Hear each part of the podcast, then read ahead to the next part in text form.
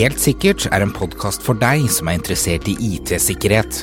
Her tar vi opp aktuelle nyheter, diskuterer dagens sikkerhetsutfordringer og deler gode råd for hva du bør tenke på rundt sikkerhet.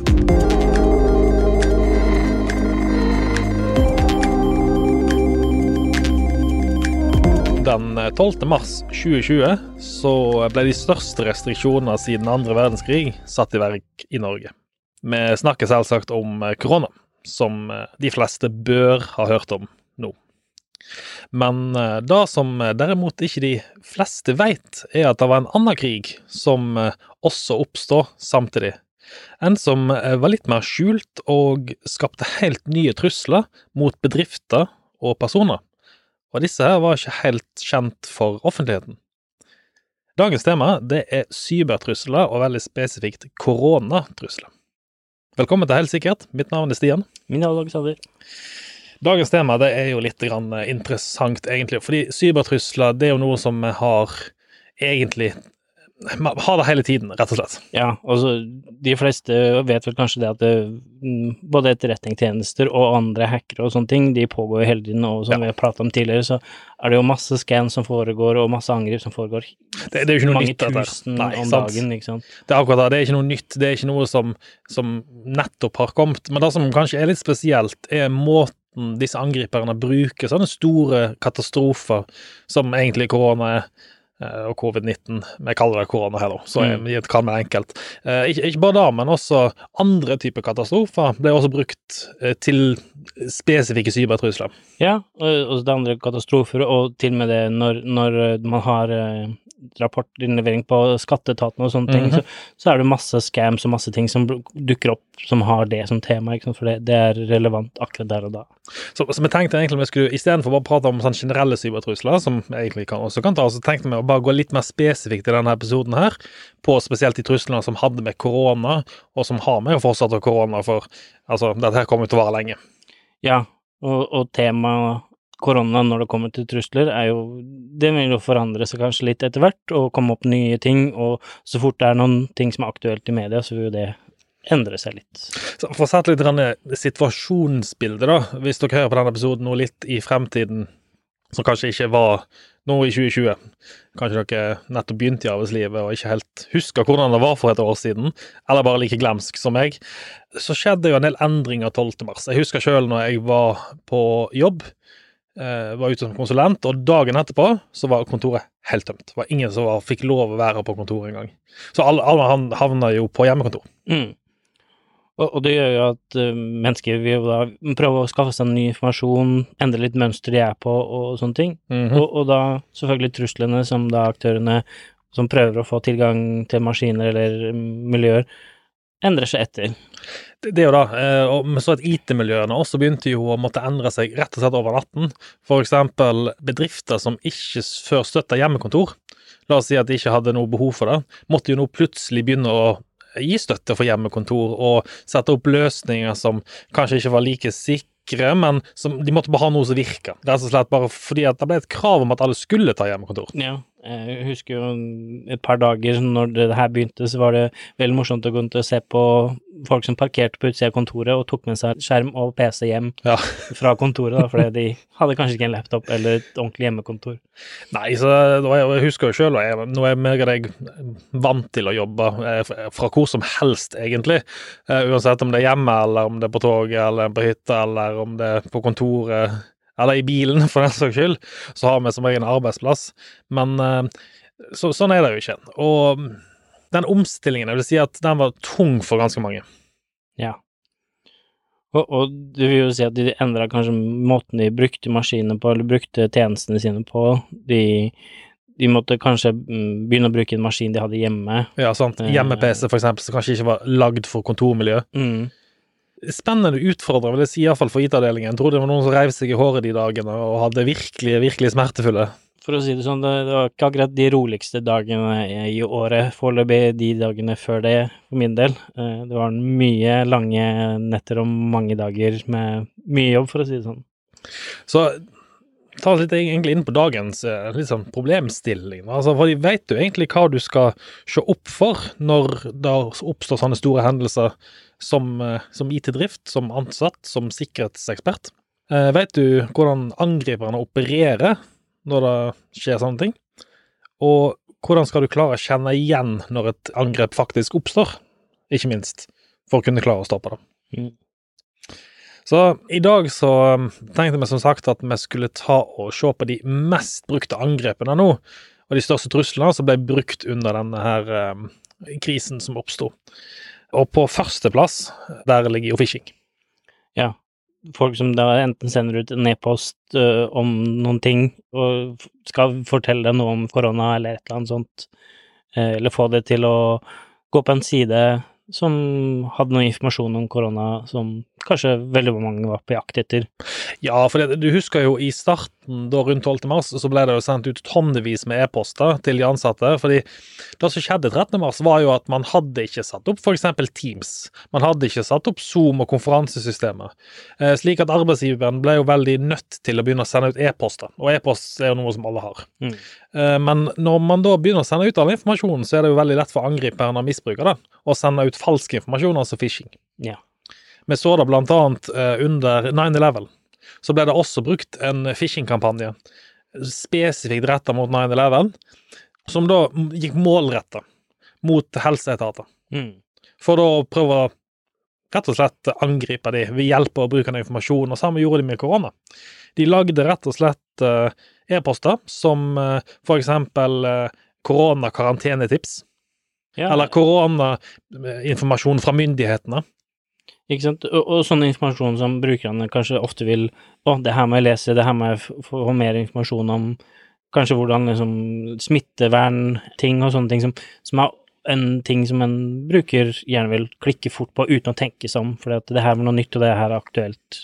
Det er, det, det er jo fullt mulig å beskytte seg, iallfall en god del med dette her, for eksempel å bruke SPF og D-mark Dekim. Kort fortalt, Alex, SPF er jo da for at eh, du som sender e-post fra ditt domene, skal beskytte at ingen andre enn deg sjøl og dine brukere får lov til å gjøre det. Så SPF er jo for å beskytte deg, og når du da vet at SPF blir brukt fra den som du får mottatt på, så vet du at det blir bare sendt fra de maskinene de har godkjent. Altså, det er jo noe som har vært eh, en anbefaling veldig lenge. Det er ikke bare noe under den krisen, Nei. men det er jo først nå vi begynner å se at det blir misbrukt i stor ja. grad. Og, det er så enormt mange som ikke bruker det, og det er en ting som vi maser veldig mye på, veldig mye nå, men generelt også. Dekim er jo da en eh, signering for du som da sender e-posten. Når du skriver en subject, emne og avsender og mottaker, mm -hmm. så signerer du det her med en nøkkel, legger den på e-posten, sånn at mottakeren som får den, kan godkjenne at den kom fra den personen den sa den var, og inneholdt de tinga den mente. Ja, sikkert det er en verifikasjon, litt som en, en sånn HTTPS-side, der du besøker at du faktisk kan verifisere til den siden du besøker som har sertifikatet. Eh, ja, ja, at du kan verifisere at det, yes. det, er den siden. Det er mer som eh, du hadde kanskje en budbil som gikk fra dør til dør, og personen sa at det her kom fra den personen til den personen. Ja, sånn, ja. Eh, for alt det som er i e-posten, kan fortsatt leses like tydelig og, og sånne ting, og ingen akkurat hva som står i e-posten blir ikke signert, men det du, hvem det kommer fra, og hva subject var på den, og, og sånt, det blir signert. Så Det er egentlig to enkle beskyttelsesmekanismer som man kan sette opp for å forhindre i hvert fall god del av phishing. og Da vil jo e-poster som utgir seg for å være fra samme domene, i hvert fall, bli merka som spam i filteret. Ja, så hvis du kan sjekke e-posten du får fra brukere om SPF og Dekim er godkjent eller OK, så er det en ganske stor verifikasjon på at det her er en ordentlig e-post, det er ikke noe som noen har sendt bare på tull. Og spesielt gjelder det interne e-poster, f.eks. sånn som kom veldig mye av smitteverntiltak, f.eks. Klikk her for å laste ned den PDF-en. Mm. Jeg husker jo at FHI de ga jo ut en sånn eh, smitteverns-PDF. Eh, en sånn her Det her Der kan du lese mer sånn der blank, Ikke blankett, hva heter det? Sånn Flyers? Flyers, ja, på fint engelsk. Uh, og den ble jo sendt ut til alle. Mm. Uh, og han ble da også sendt ut til oss, fra ledelsen her. Men det kunne jo like godt vært en falsk PDF. Ja, så, og, og, det er jo det som ofte skjer når det kommer sånne ting når det er aktuelt, at uh, noen får noen ting, og så videre sender de det, for det er noe alle vil ha, ikke sant, så det sprer seg, og da blir det enda mer Altså, folk vil stole mer på det når det kommer fra en de kjenner, og SPF og Dekim alt sånt stemmer, men folk har videresendt det, da. Og så, er det jo krisesituasjon i tillegg, sant? så man tenker kanskje litt irrasjonelt når det kommer i krisesituasjoner.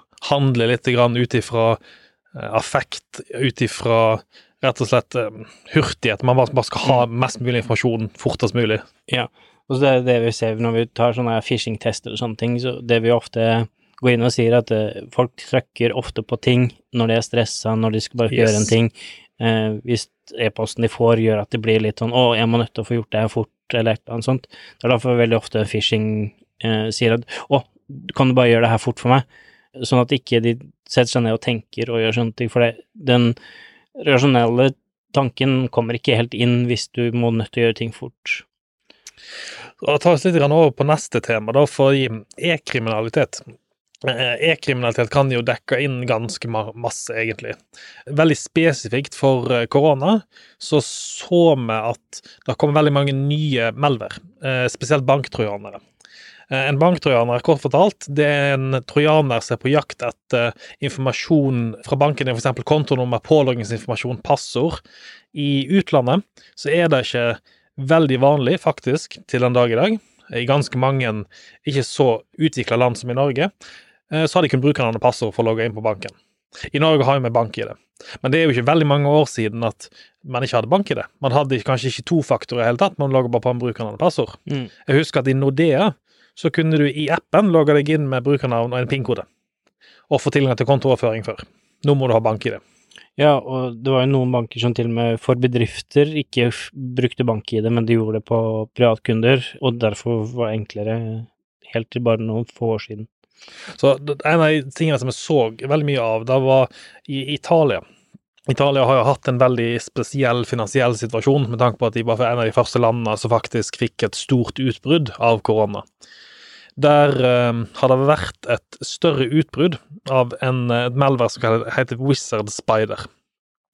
Og den, det den gjorde, var rett og slett at den utnytta den finansielle situasjonen med korona, og gikk inn i disse banksystemene med den intensjonen om å stjele disse påloggingsinformasjonene for banksystemene. Fordi man så at folk benytta seg mye mer av banker, man ble avhengig av å ta opp lån, og så prøvde man å ta rett og slett stjele informasjonen Mm. fra dem. Eh, Og de visste at de var i en sårbar posisjon, så derfor så utnytta de det. Eh, Men så til og med at, at eh, veldig spesifikke kriminelle som selger såkalte verktøy et, et hackerverktøy, eller malware-verktøy, kan man kalle det egentlig. da Mm. som er et, eh, et verktøy som er lagd for å generere en malware. Fordi, som vi snakket om i en tidligere episode, det er store penger i å selge disse typer verktøy. da. Det, det er en egen bedrift.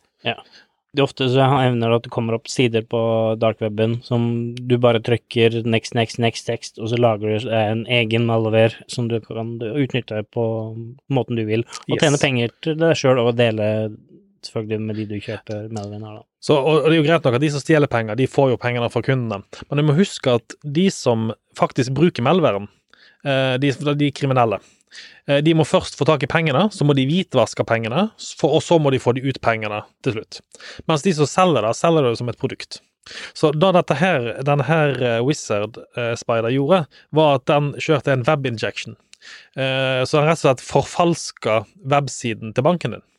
Slik at hvis jeg da eksempel går inn på DNB eller Nordea eller Sparebanken Vest, så ser det ut som jeg logger meg på deres side. Mm. Men det jeg egentlig gjør, er at jeg besøker en lokal webserver som ligger lokalt på PC-en, som er inn, rett og slett styrt av Melvere. Så når jeg skriver inn brukernavnet og passordet mitt, så skriver den inn brukernavnet og passordet på den faktiske websiden, men så lagrer den brukernavnet og passordet. Mm. Det kalles for web injection. Du kan også gjøre det i browseren, du kan gjøre det på mange forskjellige måter. Ja, og du trenger ikke nødvendigvis forfalske siden heller, de Nei, kan bare forfalske noen deler av siden, si Yes. at noen bilder eller noen, eh, noen javascript eller et eller annet sånt som du skal laste ned for å se siden, blir ikke lasta fra samme side som Og da kan de bruke det for å putte inn ekstra kode for å bruke den dataen du skriver inn og sånt.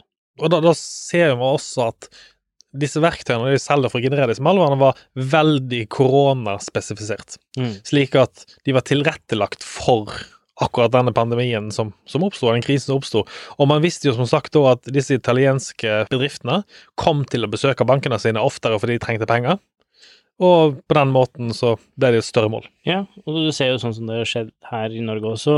Plutselig så var det veldig mange som måtte gå på Nav, kanskje fordi de ble mm -hmm. permitterte. For eksempel åpne opp da, sette en ny side som heter permittert Nav, eh, og du må logge inn her med ditt brukernavn yes. og passord. Så alt sånne ting er det jo noe som dukker opp på grunn av de tinga som gjør når eh, vi endrer mønstre på ting, og så er det fort at de dukker opp sånne tjenester. Det er jo, da, og det er jo litt et av de andre punktene, så ofte blir det såkalt falske domener. Mm. For eksempel, du sier permittertnav.no. Eh, eller permittert.navpermittering.no, for eksempel. Ja. Hvis jeg registrerer domenet navpermittering.com, og sender den ut nå til eh, 400 000 nordmenn, e-postlister kan jeg få fra hvor som helst. Altså, mm. koster meg ingenting å få tak i e-postliste. Så jeg kan garantere at minst 50% hadde klikka på den linken. Ja. Jeg kan nest, nesten garantere det, i hvert fall. I minimum. Fordi at for det første så henviser e-posten seg til den situasjonen som de er i. Ja, Eller og, permitteringsinfo, for eksempel. Ja, og de som lager de nå, har jo blitt veldig flinke til å kopiere sånn som det ville sett ut når du yes. får det fra en bank, eller du får det fra Nav, eller du får det fra Telenor, for eksempel. Det er ikke sånn som før det var et Nigeria-brev som du kan lett kjenne igjen, kjenne igjen at det var, uh, var noe som prøvde å lure deg. Nå, så, som veldig mange sikkert opplevde den, for noen år siden, denne her uh, fakturaen fra Telenor som så egentlig helt yes. riktig, riktig, ut. Du hadde også fra Posten noen mm -hmm. ting, som det så helt ekte ut. Så sånne phishing på den måten har blitt veldig enkelt uh, for angriperne å få lurt mennesker på. da. Og, så er det også veldig vanskelig å, for en bruker å se forskjell på riktig og galt. For eksempel hvis jeg skriver posten med null istedenfor O, mm. så vil de fleste brukerne bare lese posten og tenke over at det er bare en skrivefeil en rar bokstav eller noe sånt, eller noe feil i e-posten. Ja, og sånn som vi pratet om tidligere her med punicode, som egentlig bare er en, yes. det er en O, men for eksempel en OI arabisk mm. som ser litt annerledes ut, uh, skrives da med en punikode, men den ser helt riktig ut, og brukerne vil ikke se forskjell. Eller Helsedirektoratet med to i-er. Ja. Helsedirektoratet, for eksempel. Altså, ingen ville ha reagert på det. Nei. De fleste ville ikke ha reagert på det, i hvert fall. Og de fleste har kanskje fått med seg noe av det her med Zoom, som var veldig aktuelt når at det kom ut sårbarheter og sånne ting. Uh, og Zoom ble også veldig mye misbrukt for uh, på en måte en form for phishing, der det ble lagt ut Zoom, som, så, som var uh, egentlig den samme koden, men med Malware inni. Og der hadde vi oppretta på rundt en uke ca. 2000 domener som inneholdt Zoom. Ja. Som da var brukt i forskjellige phishing-kampanjer. Og det, det, er jo da de falske domener, rett og slett, men det er jo utrolig enkelt angrep. Mm. Det skal ingenting til. Og det, det, er så å si umulig å beskytte seg mot dem. Og hvis du tror du er sikker, hvis du eh, har sånn grønn bar eller eh, at du er på HTTPS, så tar det meg ca. Fem sekunder å få et lettsendt-sertifikat, slik at du får en eh, kryptert side, ja. som er gratis. Når den er grønn bar, så er det, da, da er det, mer. Men, uh, men uh, for mulig. å få HTTPS, det er enkelt. Yes. Og, og sa grønn bar, så det kalles for et BV-sertifikat, altså et bedriftsverifisert sertifikat. Eh, men alt jeg trenger, er bare et organisasjonsnummer. Eh, eller et utenlandsk organisasjonsnummer. Og noen eh, leverandører av SSL er også kjent for å være litt mindre kravstore til verifisering av dokumenter. Noen krever f.eks. bare en utility bill yeah. med en adresse på til firmaet. Mm. Og det er alt som skal til for at jeg skal få utstedt sånt sertifikat. Du trenger ikke bevise at domenet du har kjøpt, har en tilknytning til bedriften engang. fordi at du skal jo egentlig bare besøke bedriften om den heter en eller andre. Ja. De, de er litt dyrere enn gratis som du kan få med Let's Encrypt, det, altså, men, men uh, det er helt uh, mulig å få til. En annen ting som jeg også så eh, kom ganske mye av, det er rett og slett målretta angrep. Uh, veldig spesifikt så er det målretta angrep fra etterretningstjenesten. Mm. Og det, det er jo ikke unormalt. Eh, at etterretningstjenestene i Norge og utlandet og andre land bruker store hendelser for å skjule sine angrep, og sine målrette angrep, er jo normalt. Da, da vil jeg nesten anta er normalt. Ja, og, og det er ikke til å ligge en kam det at uh, den, både den økonomiske og, og, og, kanskje sårbarheten for landet i seg sjøl har blitt veldig annerledes, og da kan jo da sånne land som kanskje for eksempel Kina eller noen andre land som vil gjøre noe etterretning mot for eksempel USA, uh, bruker det her som en kampanje for å gjøre angrep. Det er akkurat det. det er akkurat å si at uh, den kinesiske gruppa Pirate Panda de ble observert ved å bruke dokumenter som inneholdt uh, covid-19 eller koronainformasjon. sammen med Nord-Korea ble også sett ved å bruke Malware som var spesifisert, et altså Baby Shark. Og de brukte også dokumenter som inneholdt covid-19-koronainformasjon mot Sør-Korea. Og Dette er bare to eksempler på land som utfører etterretningsangrep mot andre land spesifikt, og andre tjenester, f.eks. statlige tjenester. Det er i disse tilfellene virkelig statlige organisasjoner må virkelig begynne å tenke på sikkerheten. For de private bedriftene så handler det om penger og kommersielle interesser. Mm. Ofte er det andre private bedrifter som angriper, eller land som ønsker å hente ut. Eksempel, de angriper han, den elektronikkprodusenten her i Norge som produserer den spesifikke sikringen, eller spesifikke utstyret, mm. fordi de har lyst til å hente ut eh, skjemaene og kunne produsere det sjøl. Yeah. Men så har du etterretningsvirksomhetene som angriper da statlige systemer. For eksempel tollsystemet, eh, Nav for eksempel, helsesystemet, mm. forsvarssystemet ikke minst, for å hente ut av informasjon. Jeg henter informasjon, eller eksempel hvis du plutselig fikk forfalska mm, et par hundre tusen mennesker som da plutselig skulle søke om Nav, mm -hmm. så ville du da forsinke Nav-systemet kanskje mye mer enn det det ville vært vanlig, og påvirka miljøet, også Arbeids, ja, penger, økonomi, alt egentlig. Eh, spesielt forsvarssystemer. De er jo de som virkelig må være på vakt i disse tidene. Eh, fordi at eh, det handler om beredskap. Hvis du klarer å hente ut hvilken beredskap det er hvilken situasjon, mm. så har man plutselig da et etterretningsmessig sett overtak. Og man kan begynne å planlegge for operasjoner. Ja, og, og, hvis du da kan si at jeg må bare ha denne informasjonen fordi at vi skal gjøre noen ting som har med covid-19 å gjøre, så kanskje folk ikke tenker seg veldig godt om, og så bare sender informasjon som det ikke skulle ha sendt. Vi har jo sett samme tilfelle tidligere. Du snakker om fish-tester og de bitene der. Eh, hvis du sender ut en fish-test i rundt mai, juni, som eh, sender ut 'Hei, her er den nye lønnstabellen'. Mm -hmm. Du har gått opp 20 000 i lønn. Garanterer deg at 90% klikker på den PDF-en. Ikke sant. Og gå inn på den websiden. Ja, eller sånn 'Her er skattekortet ditt'. Yes. Selv om folk vet nå at skattekort trenger du ikke levere sjøl, det kan arbeidsgiver gå inn og mhm. hente det. Så har jeg opplevd fra kanskje litt eldre generasjoner at de fortsatt spør hvor henter jeg skattekortet mitt og, og sånne ting. Og hvis du da bare sender ut en fake e-post, her er skattekortet ditt eh, fra Nav eller Skatteetaten, noe som ligner, så er det veldig lett å lure deg. En annen sak som jeg så ganske masse av eh, de siste to månedene, har vært målretta angrep mot fjerntjenester. Eh, og med fjerntjenester så tenker vi også på skytjenester. Mm. For en av de tingene som skjedde rundt 12. mars, var at som sagt IT-avdelingene fikk panikk. Fordi For det første så var ikke bedriftene tilrettelagt for å kunne jobbe hjemmefra. Så man hadde kanskje en brannmur. Man hadde ikke noe god VPN-løsning, f.eks. Man hadde ikke noen løsning at de ansatte skulle kunne jobbe hjemmefra. Nei, kanskje noen som hadde noen få som hadde noen tilganger, og kanskje ikke tilgang til alt engang. Mm -hmm. Og plutselig skulle alle få tilgang til å kunne jobbe fullt hjemmefra. De trengte filer, de trengte mail, de trengte alt mulig rart. Eh, og da vet jeg med ganske stor sikkerhet at veldig mange gjorde en kanskje jobb de ikke tenkte på sikkerhet rundt. Man eh, tenkte, glemte kanskje risikovurderingen oppi alle disse tiltakene man gjorde, kan man vel si. Ja, det kan man trygt si.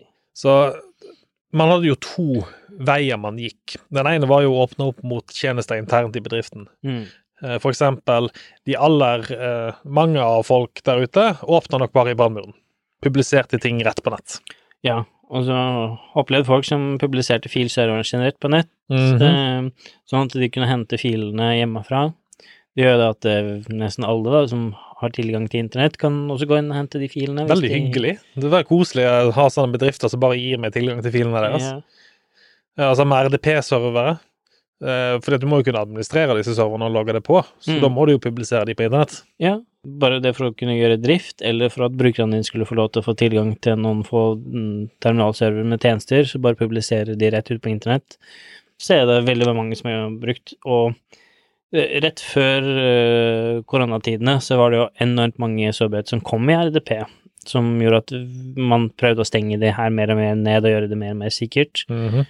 Og så kom Korona. og alle åpna det igjen, eller de som ikke visste om det, bare da publiserte det på nett, som har gjort at veldig mange ting eh, Ja, en RDP-tjeneste på internett uten noen beskyttelse foran Det Tar ikke lang tid før den blir tatt, nei. Nei, det går veldig kort tid, for å si det sånn.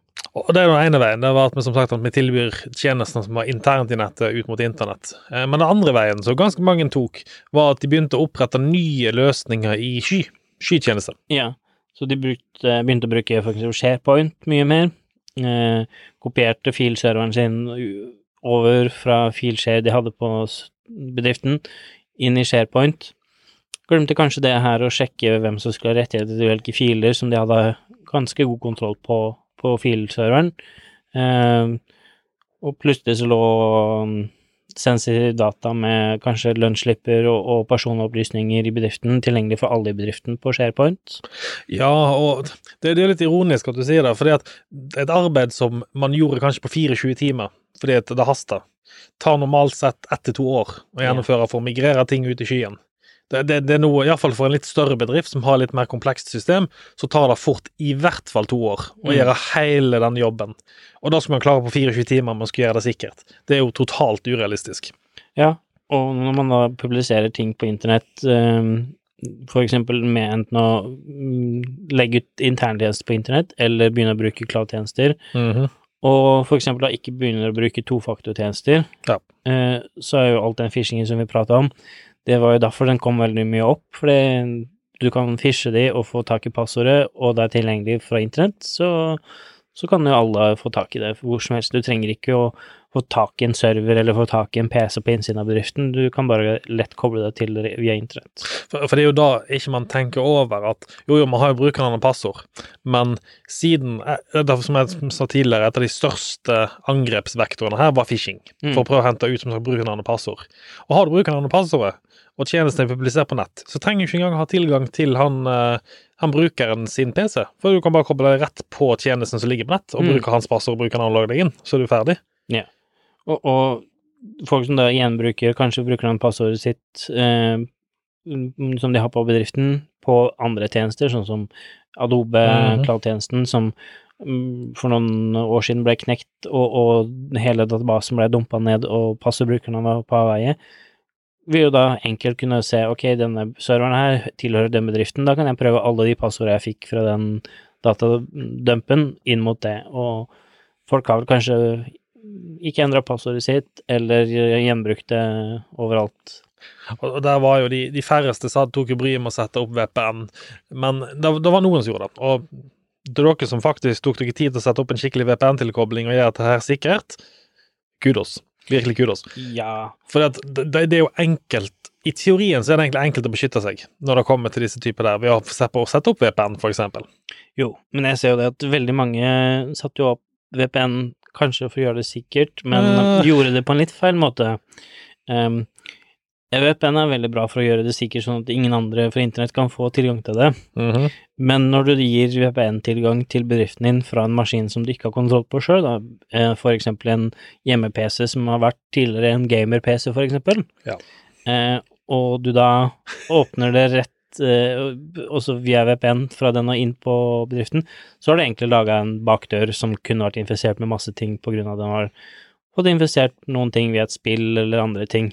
Hva som helst. En guttungen som har brukt det, for eksempel. Ja. Så for bare for noen timer siden så måtte jeg rense opp en maskin som hadde masse malware på seg, eh, på en annen maskin som hadde VPN-tilgang rett inn. Eh, den Da lå det vel en par hundre malware eh, og trojaner på den som eh, Men nå skal det jo sies at når du kobler på VPN, så skal det for det første settes i et egen eh, nett på, på brannmuren på brannmursiden, og så skal det kun åpnes de tjenester man faktisk har behov for i den. mm, Eh, selvsagt. det ganske mange satt opp allow any any mellom VPN og servernettet sitt for ikke å begrense noe, som er en veldig dårlig plass å begynne på. Eh, det er veldig vanskelig å måtte stenge ting etter at du har åpna for det, enn å åpne for ting etter hvert som de dukker opp. Ja. Og, og, den maskinen du tillater VPN fra, må du ha litt kontroll på, så du vet at det ikke At den har i hvert fall en form for endebeskyttelse med noe mal, altså antivirus og malware-beskyttelse på, og at ikke hvem som helst bruker en maskin til enhver tid eh, til ting som for eksempel gaming og sånne ting, som kan lett infisere maskinen med andre ting. For ikke å laste over lytterne våre med informasjon, så siste tema eh, som eh, dukker opp nå, er såkalte tech support scam og eh, vishing, som egentlig er voice fishing. Mm -hmm. Det er jo noe som de fleste av oss kanskje har vært borti. Du får et, eh, en oppringning på telefonen din, og så hører du en eller annen stemme Hello, this is from Microsoft. You have a virus on your computer. Ja. Den type angrip har vel blitt mer og mer vanlig. Det er det. Eh, men det har jo endret seg litt eh, når det har kommet til korona. Fordi at Istedenfor å si at du har et virus på PC-en, så sier det hei, vi har noe viktig informasjon til deg. For eksempel hvis du sier at naboen din har blitt infisert med korona, og her, du går inn på denne adressen her, og besøker den adressen for å få mer informasjon om hva du skal gjøre videre nå. Mm. Eh, nå snakker jo disse litt sånn gebrokken engelsk, så han burde klare å plukke opp, men hvis det hadde vært meg som hadde ringt deg, for eksempel La oss si at de har en organisasjon her i Norge, eller noen som snakker norsk, flytende norsk, til å ta den samme samtalen. Ville du da ha blitt mistenksom hvis nummeret kom eksempel fra Helsedirektoratet? Du kan forfalske nummeret veldig enkelt. Ja, du kan forfalske det veldig enkelt, og, og når du prater om det, så kom jeg akkurat på det Det var en del eh, SMS-kampanjer som kom fra og så Med en SMS så kan du da si at avsender er egentlig hva som helst. Det kan være et telefonnummer, og det kan være et navn. Og da de endra på navnet, så det sto noe, noe som var relevert til covid-19-ting, mm -hmm. og sendte da en SMS eh, du har vært i fare for å bli smittet her og sånn og sånn, trykk på denne linken. Og da enkelt få infisert eh, mobilen eller maskinen. Og det er utrolig enkelt, fordi eh, vi snakka om Smittestopp-appen i, eh, i, forrige episode. Den, den, er vel ikke bygd på de beste sikkerhetsprinsippene, kan vi vel si. Og blant annet så har de valgt De har valgt SMS som varslingsfunksjon. F.eks. hvis du har vært i nærkontakt med noen, så får du en SMS. Eh, og Den sier 'hei, du har vært i nærkontakt med deg', og så gå inn på den linken for å få mer informasjon. Helt fantastisk av en, eh, et helsedirektorat å sende ut en SMS eh, med link ja. den dag i dag. Fordi det var jo en sikkerhetsforsker da, som da gikk inn og registrerte da et, et domene som var helt likt med Punicode. Og så lagde han en falsk SMS, og med SMS er det veldig enkelt å forfalske avsender. Det skal ingenting til. Nei. Eh, og det er så å si umulig for teleoperatørene å stoppe det, for de må vite hvilket nummer eh, SMS-en faktisk sendes fra. De, de, de, kan ikke blokke det på avsendernummeret som er forfalska, for da blokker de også alle som er ekte. Mm. Så de, de, kan først ta det når SMS-en har blitt sendt. Så, så han sendte da en SMS som så helt lik ut, men med en falsk, falsk URL. Så her er egentlig Smittestopp tilrettelagt for phishing. Ikke sant? Og det, det er akkurat det du snakker om. sant? Altså, det, det, skal så lite til. Og dette her er da en app som er av myndighetene. Altså, hvis du hadde fått en SMS og sett at du var koronasmitta, hadde ikke du klikka på den da? Jo, jeg tror nok de fleste hadde vurdert å klikke på den. Mm -hmm. Kanskje ikke tenkt seg så veldig om eh, når de så den URL-en, om den så ekte ut eller ikke. Og som sagt, tech support scams når dette skjedde med oss Holte Master, som jeg er litt heldig med i Norge med du må, Hvis du får en telefonsamtale på engelsk, som sagt, så skjønner du jo litt grann at det er en scam. Men ganske mange eh, store selskaper, f.eks. Cisco, sant, har jo callsentrene sine i India. Så når dette skjedde for USA, så oppdager man fort at disse falske tech-supportene ringte og utga seg for å være Cisco. Mm. Fordi folk ble plutselig kasta ut av kontorene på hjemmekontor, og eneste måten å hjelpe til de da, var ved disse trepassleverandørene som holdt til i India. Så man så at de da ble misbrukt, ikke Microsoft support calls, men da spesifikt mot den bedriften som man angrep. Ja, og så bare sa de at eh, på grunn av korona så, så, så, så, er det dette her du må gjøre sånn og sånn for å få til VPN til kontoret, for eksempel, eller et eller annet, hvis du kommer fra Cisco. Og det skal så lite til. Eh, hvis jeg vet hvem som er din hovedkontakt på teknisk, eh, altså som bedrift, så skal det en telefonsamtale til, så skulle jeg klart å utgi meg for å være din eh, IT-partner og fått ut mesteparten av informasjonen fra deg, Mm. bare ved å forfalske nummeret. For eksempel hvis jeg, hvis jeg vet at uh, Ola Nordmann AS er IT-partner for Berit Nordmann AS, og han har telefonnummer 55 55 55 00, så forfalsker jeg det nummeret, og så ringer jeg fra meg. Ja. Hun tror det kommer fra IT-partneren og sier 'hei, jeg er ny også, så, så, så, jeg skal, skal bare samle litt informasjon til det nye supportsystemet vårt'. Mm. Om du kunne hjelpe meg og bare sendt meg den informasjonen. Ja. Og folk skjønner ikke helt hvor enkelt Vi, vi sier flere ganger at hvor enkelt det er å forfalske et telefonnummer, og det må egentlig alle være klar over, hvor enkelt det er. For det, du kan ikke bare se på avsender og si at det er den. Eh, og nå når jeg har mye sånn deepfake, så kan man kanskje ikke stole så veldig mye på hvem som snakker i andre enden heller. Si det kommer fra banken, og Mhm. den utga seg for noen du kanskje kjente. Bare med noen få minutter med samtale tatt opp, så kan man deepfake stemmer også. Så, så um, igjen, som du sier, med fraråde SMS som tofaktorautentisering, for det er utrolig lett å forfalske og utrolig lett å snappe opp informasjon. Mm. Så um, hvis du kan, bruke eksempel på Microsoft så har de en egen app som du installerer, og så må du godkjenne i appen. På Google har du en egen, og du bruker tofaktor. Der må du trykke yes or no på et sånt spørsmål som dukker opp. Så um, bruk de tjenestene som er tilgjengelige. Ja. SMS eh, fraråder vi veldig til å ikke bli brukt i det hele tatt på to faktorer. Da tenker jeg egentlig var nok informasjon. Vi har gått gjennom litt mange temaer nå. Ja. så blir det kanskje litt overload av informasjon for denne episoden, men jeg tenkte det var greit å ta en litt sånn oppsummering av hva vi har sett nå de siste to månedene. Ja, det har gått fort to måneder. Eh, Den tida her har gått veldig fort for noen av oss, i hvert fall. Ja, det har ikke vært rolig og stille, i Nei. hvert fall, kan man vel egentlig si, selv om eh, vi jobber litt uh, hjemmefra. Og um, vi har jo supportert ganske mange firmaer for å få de i gang på både sikkert og faktisk Mm. på hjemmekontor. Så kanskje bedrifter bør begynne å tenke litt over hva de har gjort i disse tider, og om de har gjort det sikkert nok, og kanskje mm, dra litt i å fikse sikkerheten, eller ta kontakt med en sikkerhetspartneren sin for å få, få løst og gjort det her på en god og ordentlig måte. Og har du eh, RDP i dag som du bruker, så anbefaler vi å iallfall sette opp en sånn remote desktop gateway. Eh, Han Espen, som jobber her hos oss, han lagde en, en eh, ganske god blogg, bloggpost som har fått så utrolig mye besøkende, annet fra amerikanske forsvaret og Department of Defense og masse rare greier. Eh, Som visstnok da tydeligvis er ganske god godt forklarende på hvordan du skal sette opp en sånn type løsning. Men det er jo bare et eksempel på hvordan man kan sikre, til og med sikre en RDP-løsning bedre enn å bare gi direkte tilgang til en server. Ja.